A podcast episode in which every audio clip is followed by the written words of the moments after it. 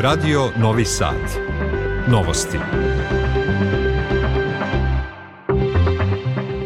Dobar dan, ja sam Vesna Balta. Ja sam Nikola Rausavljević. Na početku novosti Vesti dana. Predsjednik Srbije Aleksandar Vučić nastavio konsultacije o mandataru za sastav nove vlade. Konstitutivna sednica Skupštine Beograda odložena za nedelju 3. mart. Od danas je zvanično uspostavljeno jedinstveno tržište rada Srbije, Albanije i Severne Makedonije. Ujedinjene nacije zahtevaju istragu o jučerašnjem ubistvu više od 110 palestinaca. Poznate nove cene goriva. Nastavlja se realizacija programa za čistije i zelenije škole u Vojvodini. Sutra promenljivo, temperatura do 17 stepeni. U Novom Sadu sada je 18. Na Andrićevom vencu nastavljene su konsultacije o mandataru za sastav nove vlade. Predsjednik Aleksandar Vučić razgovarao je sa predstavnicima izborne liste Mi glas iz naroda, profesor dr. Branimir Nestorović. Istovremeno, konstitutivna sednica Skupštine grada Beograda odložena je do prekosutra zbog nedostatka kvoruma. Detaljnije Miljana Kočić. Na sastanku kod predsjednika jutro su bili poslanici liste Mi glas iz naroda, Aleksandar Pavić, Bogdana Koljević-Keller i Branko Lukić. Pavić je nakon konsultacija izjavio da je sastanak protekao formalno. Mi smo dali na znanje ono što smo govorili sve vreme. Mi smo opozicija vlasti, ne državi. Izvestili smo predsjednika da nemamo većinu, niti ćemo da predlažemo mandatara, da ćemo svakako da budemo na pozicijama na kojima smo bili pre izbora. Mi smo za resuverenizaciju Srbije. Mi smo sve ono što smatramo da je u skladu sa onim što mi zastupamo, mi ćemo to da podržimo, ali naravno ostajemo opozicija. Dok je Pavić bio na konsultacijama, Branimir Nestorović, narodni poslanik sa te liste, koja je, podsjetimo, osvojila 13 mandata u Skupštini grada Beograda, bio je na konstitutivnoj sednici koja je odložena, ali je poručio da on i njegovi saradnici neće promeniti stavni do 3. marta, za kada je zakazana nova sednica. Predsjednik privremenog organa grada Beograda, Aleksandar Šapić, objašnjava da se odbornici koalicije Beograd ne sme da stane nisu pojavili u Skupštini da bi predsjedavajući Toma Fila imao osnov za odlaganje sednice i dodaje da će oni do nedelje zauzeti konačan stav.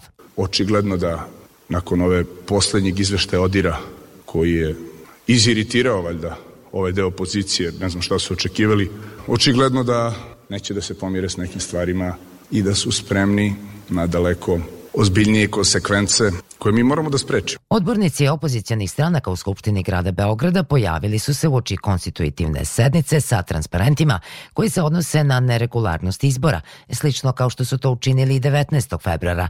Vladimir Obradović iz koalicije Srbije protiv nasilja izjavio je da su SNS i SPS izgubili izbore u gradu. Da li će se tokom vikenda javiti šest ili sedam cifara i dati legitimitet, to je druga stvar u njihovom koordinatnom i vrednostnom sistemu. Predsednik Aleksandar Vučić najavio je da će o izborima u Beogradu razgovarati s kolegama iz Srpske napredne stranke. Dodao je da on lično nije promenio stav i da smatra da treba ići na izbore, ali da je odluka o tome na onima koji imaju vlast u stranci. Ispred filijale Poštanske štedionice u Kosovskoj Mitrovici i danas su se okupili penzioneri koji zbog odluke premijera privremenih prištinskih institucija o ukidanju dinara na kosmetu ne mogu da podignu penzije. Među okupljenim penzionerima bila je Jovanka Lečić koja je poručila Okupili smo se u broju zato što nam je uskraćen naš zarađeni dinar. Da je došlo do toga da penzioner nema ni za lekove, a kamoli za životne namirnice. I skupili smo se da bi učinili apel međunarodnoj zajednici i svim ljudima dobre volje da stanu na kraj ovome teroru i ovome bezobrazluku, Kurtiju i njegove takozvane neovlašćene vlade i neovlašćene države Kosova. Centralna izborna komisija u Prištini završila je verifikaciju potpisa za smenu albanskih gradonačelnika u četiri opštine na severu Kosova i Metohije, javljaju prištinski mediji. Potpise su predali Srbi koji su bojkotovali izbore u aprilu prošle godine na kojima su izabrani albanski gradonačelnici zato što Priština ne poštuje briselske sporazume zbog stalnih upada specijalnih jedinica kosovske policije na sever Kosmeta i zbog protivpravnih hapšenja Srba. Na te izbore izašlo je oko 3,5 od birača, a od 1567 Srba glasalo je samo njih 13. Nepoznate osobe provalile su sinoć u prostorije građanske inicijative Sloboda, demokratija, pravda u Kosovskoj Mitrovici i promenile brave na vratima, izjavila je Ksenija Božović iz te inicijative. Slučaj je prijavljen takozvanoj kosovskoj policiji koja vrši uviđaj. Svet. Treći Antalijski diplomatski forum na kojem učestvuje i ministar spoljnih poslova Srbije Ivica Dačić zvanično je otvoren u Turskoj. Forum traje tri dana i okuplja gotovo 4.500 učesnika, uključujući i lidere oko 20 država i 57 međunarodnih predstavnika. Oni će razgovarati o unapređenju diplomatije u vremenima previranja. U najnovijem napadu izraelske vojske u centralnoj Gazi poginulo je najmanje četvoro civila, dane nakon što je u smrtonosnom incidentu u severnom delu Gaze stradalo više od 110 osoba. Generalni sekretar Ujedinjenih nacija Antonio Guterres kaže da ubistvo više od 100 ljudi koji su čekali humanitarnu pomoć zahteva efikasnu i nezavisnu istragu. Sjedinjene američke države blokirale su saopštenje Saveta bezbednosti Ujedinjenih nacija koje je predložio Alžir, a podržale arapske zemlje u kojem bi izraelske snage bile okrivljene za jučerašnji incident. Nastavljen je i rat u Ukrajini. Ruske trupe povećavaju intenzitet artiljerijskog granatiranja u pravcu Avdejevke, saopštio ukrajinski general Oleksandar Tarnavski navodeći da ukrajinska vojska nastavlja odbrambene operacije i na nekim mestima vraća izgubljene pozicije. Rusija je spremna da ukrajinskoj strani preda tela Ukrajinaca poginulih u padu aviona u Belgorodskoj oblasti. To je potvrdila ruska komesarka za ljudska prava Tatjana Mosalkova. Ruski opozicionar Aleksej Navalni sahranjen je na Borisovskom groblju u Moskvi. Ispred crkve ikone Bogorodice i oko groblja okupilo se nekoliko hiljada građana koji su želeli da se oproste od preminulog kritičara Kremlja, a događaj je protekao uz pojačano prisustvo policije, prenose tamošnji mediji. Kremlj je uoči sahrane saopštio da će bilo koje nedozvoljene radnje tokom sahrane biti posmatrane kao kršenje zakona. I još jedna vest iz sveta. Pripadnik nemačkih oruženih snaga ubio je četiri osobe, među kojima i jedno dete u Šeselu u okrugu Rotenburg. Ubijeni su vojnikova bivša supruga, dete, njen sadašnji partner i njegova majka. Ubica se predao policiji i uhapšenje, a motiv ubistava još nije poznat. Od danas je izvanično uspostavljeno jedinstveno tržište rada Srbije, Albanije i Severne Makedonije. Ministar financija Siniša Mali ocenio je da će to doprineti daljem ekonomskom napretku i većim investicijama u naš region, kao i poboljšanju kvaliteta života građana zemalja potpisnica. Mali je najavio i da će elektronske usluge za prijevu radnika ovom tržištu građanima postati dostupne sledeće sedmice, kao i da će portali e-uprave tri zemlje biti povezani.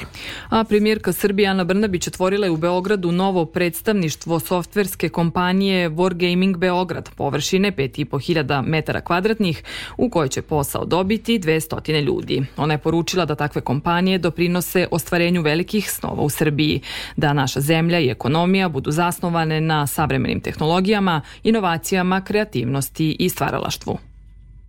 Mi možemo kao vlada da stvorimo neke uslove, ali na kraju krajeva stvarni život, realne kompanije, realni sektor, privreda, u stvari to mora da isprati, mora da pokaže svoju veru u Srbiju da bi se ti snovi ispunili. I hvala vam što ste vi pokazali vašu veru u Srbiju i što danas u Srbiji, u Beogradu zapošljavate već neverovatnih 800 ljudi. 800 ljudi je ozbiljna fabrika. Izgradnja tunela Munjino brdo dugog 2,7 km na deonici autoputa Pakovraće Požega teče po planu, rekao ministar građevinarstva, saobraćaja i infrastrukture Goran Vesić obilazeći radove. On je rekao da će deonica biti završena i puštena u saobraćaj u oktobru. Nalazim se trenutno u tunelu Munjino brdo koji je najveći izazov za izvođača. Tunel Las smo već skoro završili i opremili, tako da je tunel Munjino brdo bio jedan od najtežih tunela za rad i sigurno najteži tunel koji smo kopali u Srbiji. Kada u oktobru budemo pustili deo autoputa do Požege, mi krećemo da radimo, odnosno kompanija koja, koja Terasija BC koja radi ovaj autoput, počeće da radi autoput prema Dugoj Poljani, odnosno prema Crnoj Gori, prvoj desetoj deonici, to je 74 km, a istovremeno kako je predsednik obećao, počećemo da radimo i autoput od Požege do Kosova Kotromana, to je do Republike Srpske, odnosno Bosne i Hercegovine, s tim što će se raditi samo prvi deo u prvoj fazi do Sušice, odnosno do skretanja za Zlatibor, čime ćemo u narednom periodu povezati i Zlatibor na našu mrežu autoputeva. Penzioneri od danas mogu da provere da li su dobili besplatan desetodnevni boravak u našim banjama. Zamenik direktora PIO fonda Aleksandar Milošević kaže da je preliminarna rang lista objavljena na oglasnim tablama Udruženja penzionera i u filijalama fonda. Oni koji nisu zadovoljni, oni koji se ne nalaze na spisku, imaju pravo da podnesu žalbu sledeće nedelje, znači od 4. do 8. marta. Posle toga komisija ima rok od 5 dana da pregleda te žalbe njihove i negde tačno 14. marta će biti objavljena konačna rang lista posle koje će svi penzioneri znati oni koji su dobili da mogu da koriste besplatan oboravak odnosno rehabilitaciju u našim banjama. Poznate su i nove cene goriva koje će važiti narednih 7 dana. Litar dizela koštaće 204 dinara, dok će cena benzina ostati nepromenjena 185 dinara. Protokol o saradnji u vezi realizacije programa za čistije i zelenije škole u Vojvodini potpisan je u pokrajinskoj vladi sa predstavnicima 45 lokalnih samouprava u Vojvodini. Više o tome Marija Maleš. Potpisivanje protokola nam puno znači jer u malim sredinama poput naše često postoji bojazan da nećemo moći da uradimo zadatke koji su pred nama. Ovo nam daje sigurnost u slučaju da osvojemo neku od predviđenih nagrada, da možemo i da odemo na taj put, kaže Aleksandra Gajin, direktorka prečkolske ustanove Srećno dete iz Novog Kneževca, dodajući da deca iz te opštine često nemaju priliku da posete mesta na kojima bi mogli da upoznaju drugačiju prirodu pošto je to pračkolska ustanova, u njima mi učestvujemo svi, znači od dece koje su od dve godine pa do polaska u školu. Akcije koje imamo jeste pošumljavanje, imamo sađenje, uređenje naše okoline, imamo kompostiranje, razvrstavanje otpada. A upravo cilj programa za čistije, zelenije škole u Vojvodini koji postoji već 15 godina jeste u tome da vaspitno-obrazovne ustanove u pokrajini animiraju decu da se bore za očuvanje svoje okoline i prirode, kaže podsekretarka u pokrinjskom sekretarijatu za urbanizam i zaštitu životne sredine Brankica Tabak. Tako da ovo zvanično potpisivanje sporazuma zapravo znači da su sada jedinice lokalnih samouprava uključene u program za čistije i zelenije škole u Vojvodini. Konkretno će doprineti organizacijom prevoza na izlete za vaspitno-obrazovne ustanove sa njihove teritorije koje budu bile nagrađene u maju mesecu, a realizacija izleta je u junu. Pored pomenutog sekretarijata, u programu učestvuje i sekretarijat za obrazovanje, propise upravo i nacionalne manjine, pokrenjski sekretarijat za energetiku, građevinarstvo i saobraćaj, pokrenjski sekretarijat za vodoprivredu, poljoprivredu i šumarstvo, pokrenjski sekretarijat za sport i omladinu i pokrenjski sekretarijat za privredu i turizam. Zatim grad Novi Sad, gradska uprava za zaštitu životne sredine, javno preduzeće Vojvodina šume i pokret Gorana Vojvodine. Pred civilnom zaštitom u Srbiji stoje novi izazovi, rizici i pretnje koje donose vanredne situacije, a kojima se u budućnosti mora adekvatno odgovoriti. Poručeno je na svečanoj sednici Okružnog štaba za vanredne situacije Južnobačkog okruga, održano je povodom Međunarodnog dana civilne zaštite. Zabeležio Milan Rakić. Civilna zaštita u Srbiji ponovo dobija na značaju i intenzivno se radi na njenom jačanju, kaže načelnik Južnobačkog upravnog okruga Milan Novaković.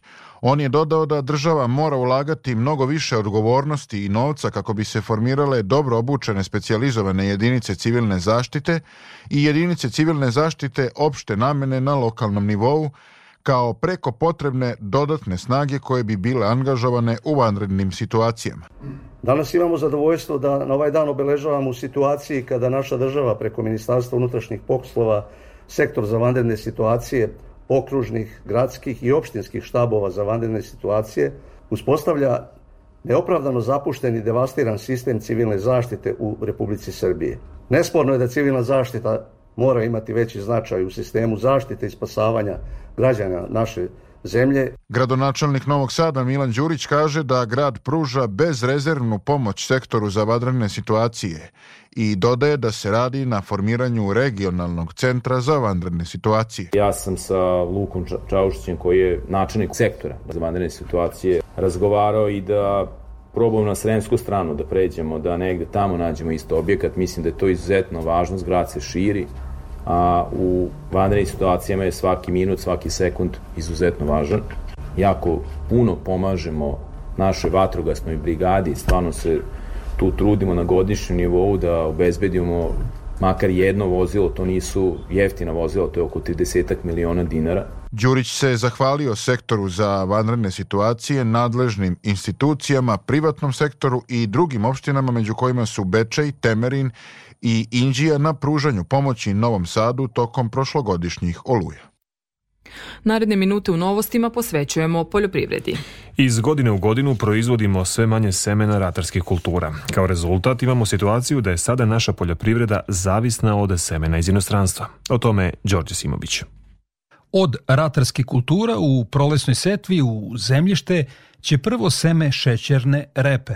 Agroanalitičar Čedomir Keco nam potvrđuje da za celokupnu površinu pod tom kulturom, koja se posljednje godina seje na oko 30.000 hektara, seme kupujemo u inostranstvu. Situacija nije dobra ni sa ostalim usevima. Tako ćemo i za ovu setru morati da uvezemo ili da koristimo inostrano seme na polovini planiranih setvenih površina, a kod suncokreta 80 od 100, a kod šećerne repe 100 od 100. Novosadska hemoslavija repromaterijalom naše poljoprivrednike snabdeva više od tri decenije. Vlasnik Rajko Nenadov kaže da iz godine u godinu sve manje prodaju domaće seme. Ranije smo slabije prodavali suncokret, sad mi slabije prodajemo i soju, a kukuruz je u svakom slučaju zadnjih 20 godina kad smo nekad radili 95% domaće, pao sad otprilike na ispod 10%. Vladimir Miklić se semenarstvom bavi u Institutu za ratarstvo i povrtarstvo. Kaže da im je sve skuplje da proizvedu seme. Zaista je postalo dosta skupo proizvoditi u Srbiji, zadnjih pogotovo par godina, dve ili tri, toliko je skočila cena kao rezultat i rata u Ukrajini, kao rezultat porasta cene merkantile, kao rezultat porasta cena svih inputa, energije, radne snage, đubriva, naravno, i hemijskih sredstava, da mnogi ljudi neće da se bave znači, uopšte semenskom proizvodnjom. Situaciju u sektoru bi donekle moglo da popravi to što će država ove godine poljoprivrednicima subvencionisati kupovinu deklarisanog semena. Veći deo tog novca će završiti na računima stranih semenskih kompanija, pošto se kod nas njihovo seme više prodaje. Kultura Radna grupa za pripremu i sprovođenje programa Prestonica kulture Srbije donela je predlog odluke koji je prihvatila podpredsednica vlade i ministarka kulture Maja Gojković da Zrenjanin bude nacionalna prestonica kulture 2025. godine, saopštilo je Ministarstvo kulture. Kako je planirano, godina kulture u Zrenjaninu biće realizovana kroz četiri programa. O tome Tanja Krunić. Meandri grada, tokovi kulture, naziv je koncepta kojim je Zrenjanin predstavio svoju kandidaturu za prestonicu kulture 2025. a koji podrazumeva 50 novih umetničkih i kulturnih sadržaja i 10 velikih infrastrukturnih projekata u oblasti kulture, kaže gradonačelnik Zrenjanina Simo Salapura. Kada su pitanju veliki infrastrukturni projekti, dakle pre svega mislimo na prenamenu zadružne banke, dakle u uh, prostor koji će biti namenjen za kulturu i kao što znate mi smo zajedno sa Republičkim ministarstvom takvu uh, prenamenu prostora već pokrenuli, odnosno obnovu krova i fasade. U toku su radovi na drugoj fazi, a drugi veliki infrastrukturni projekat jeste obnova naše pozorišne sale, kompletna rekonstrukcija. Direktor Zrenjaninskog pozorišta Dejan Karleček ističe da je ovo značajno ne samo za zaposlene ustanovama kulture, već za ceo grad. Mislim da pojam kulture ne odnosi se naravno samo na umetnost, ono se odnosi na jedan obrazac ponašanja, tako da verujem da stvari 2025. godine treba da bude jedan zamajac, jedan početak drugačije kulture života u našem gradu. Godina kulture biće realizovana kroz četiri programa, među kojima su i banatsko izobilje kao promocija tradicije multikulturalnosti i arheotipi, arhitektonsko nasleđe, gde će osvrt pre svega biti na velikog arhitektu Dragišu Brašovana. Kako se navodi, početak realizacije projekta Zrenjani nacionalna prestonica kulture Srbije planiran je za 21. mart 2025. U okviru 21. Beogradskog festivala igre, Novi Sad će 20. put biti počasni domaćin svetskih trupa. Velika scena Srpskog narodnog pozorišta Jovan Đorđević zadovoljava sve tehničke zahteve da ugosti vodeće svetske plesne trupe, ističe direktorka Beogradskog festivala igre Aja Jung. Otvaranje je 8. E, marta sa predstavom kompanije igre iz Geteburga i istu predstavu ponovit ćemo. Ona počinje u 19 časova 9. marta na sceni Jovan Đorđević Srpskog narodnog pozorišta u Novom Sadu. Ono što nas očekuje u nastavku programa od takođe najvećih i najzahtevnijih produkcija ovogodišnjeg Beogradskog festivala igre jeste povratak trupe Kid Pivot. U novostima smo stigli do sporta. Košarkaši Crvene zvezde od 20 časova i 30 minuta u Minhenu se sastaju sa Bajernom u 27. kolu Evrolige. Vojvođanski odbojkaški derbi igra se u Subotici u sportskom centru Dudova šuma između Spartaka i Vojvodine, a počinje u 19 časova. Vaterpolisti Vojvodine od 19.30 u Valjevu igraju protiv ekipe Valisa u nastavku domaćeg šampionata Superlige Srbije.